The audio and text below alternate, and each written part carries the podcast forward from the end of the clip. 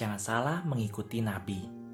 Rabu 22 Juni bacaan Injil diambil dari Matius 7 ayat 15 sampai dengan 20. Waspadalah terhadap nabi-nabi palsu yang datang kepadamu dengan menyamar seperti domba, tetapi sungguh-sungguhnya mereka adalah serigala yang buas.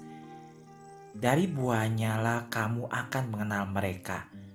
Dapatkah seseorang memetik buah anggur dari semak duri atau buah ara dari rumput duri? Demikianlah setiap pohon yang baik menghasilkan buah yang baik, sedangkan pohon yang tidak baik menghasilkan buah yang tidak baik. Tidak mungkin pohon yang baik itu menghasilkan buah yang tidak baik, ataupun pohon yang tidak baik itu menghasilkan buah yang baik. Jadi, dari buahlah kamu akan mengenal mereka.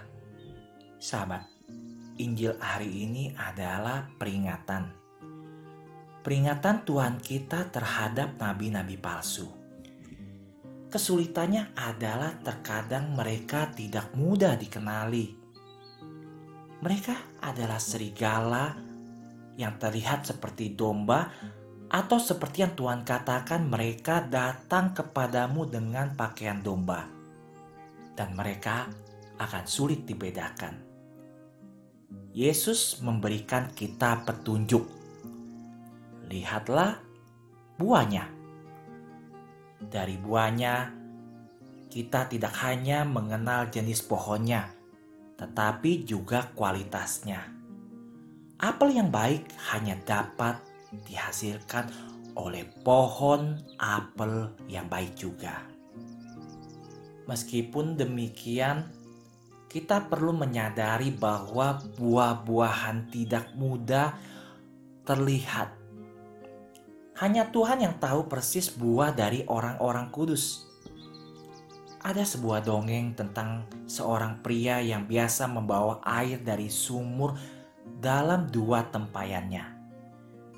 Tempayan-tempayan itu diikatkan pada sebatang tongkat yang dipikul pria itu di pundaknya, satu tempayan di setiap ujungnya.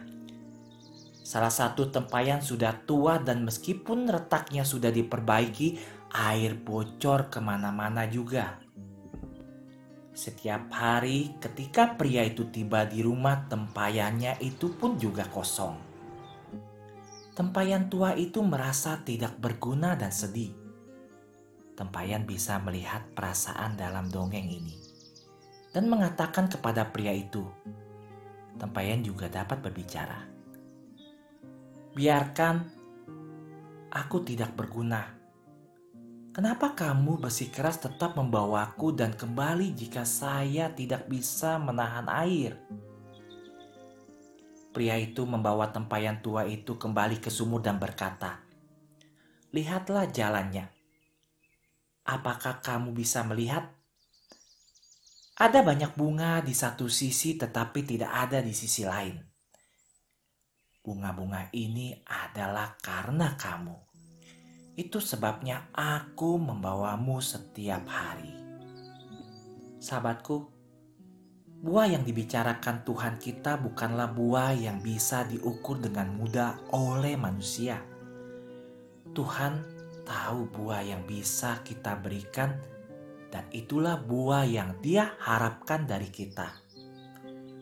Buah kekudusan adalah 12 buah dari roh kudus kasih amal, sukacita, damai sejahtera, kesabaran, kedermawanan, kelembutan, kebaikan, kesetiaan, kerendahan hati, pengendalian diri, kesucian, dan kelemah lembutan. Itulah buah-buah yang dapat kita lihat pada orang-orang kudus. Dari buah-buah itu kita akan mengenali mereka.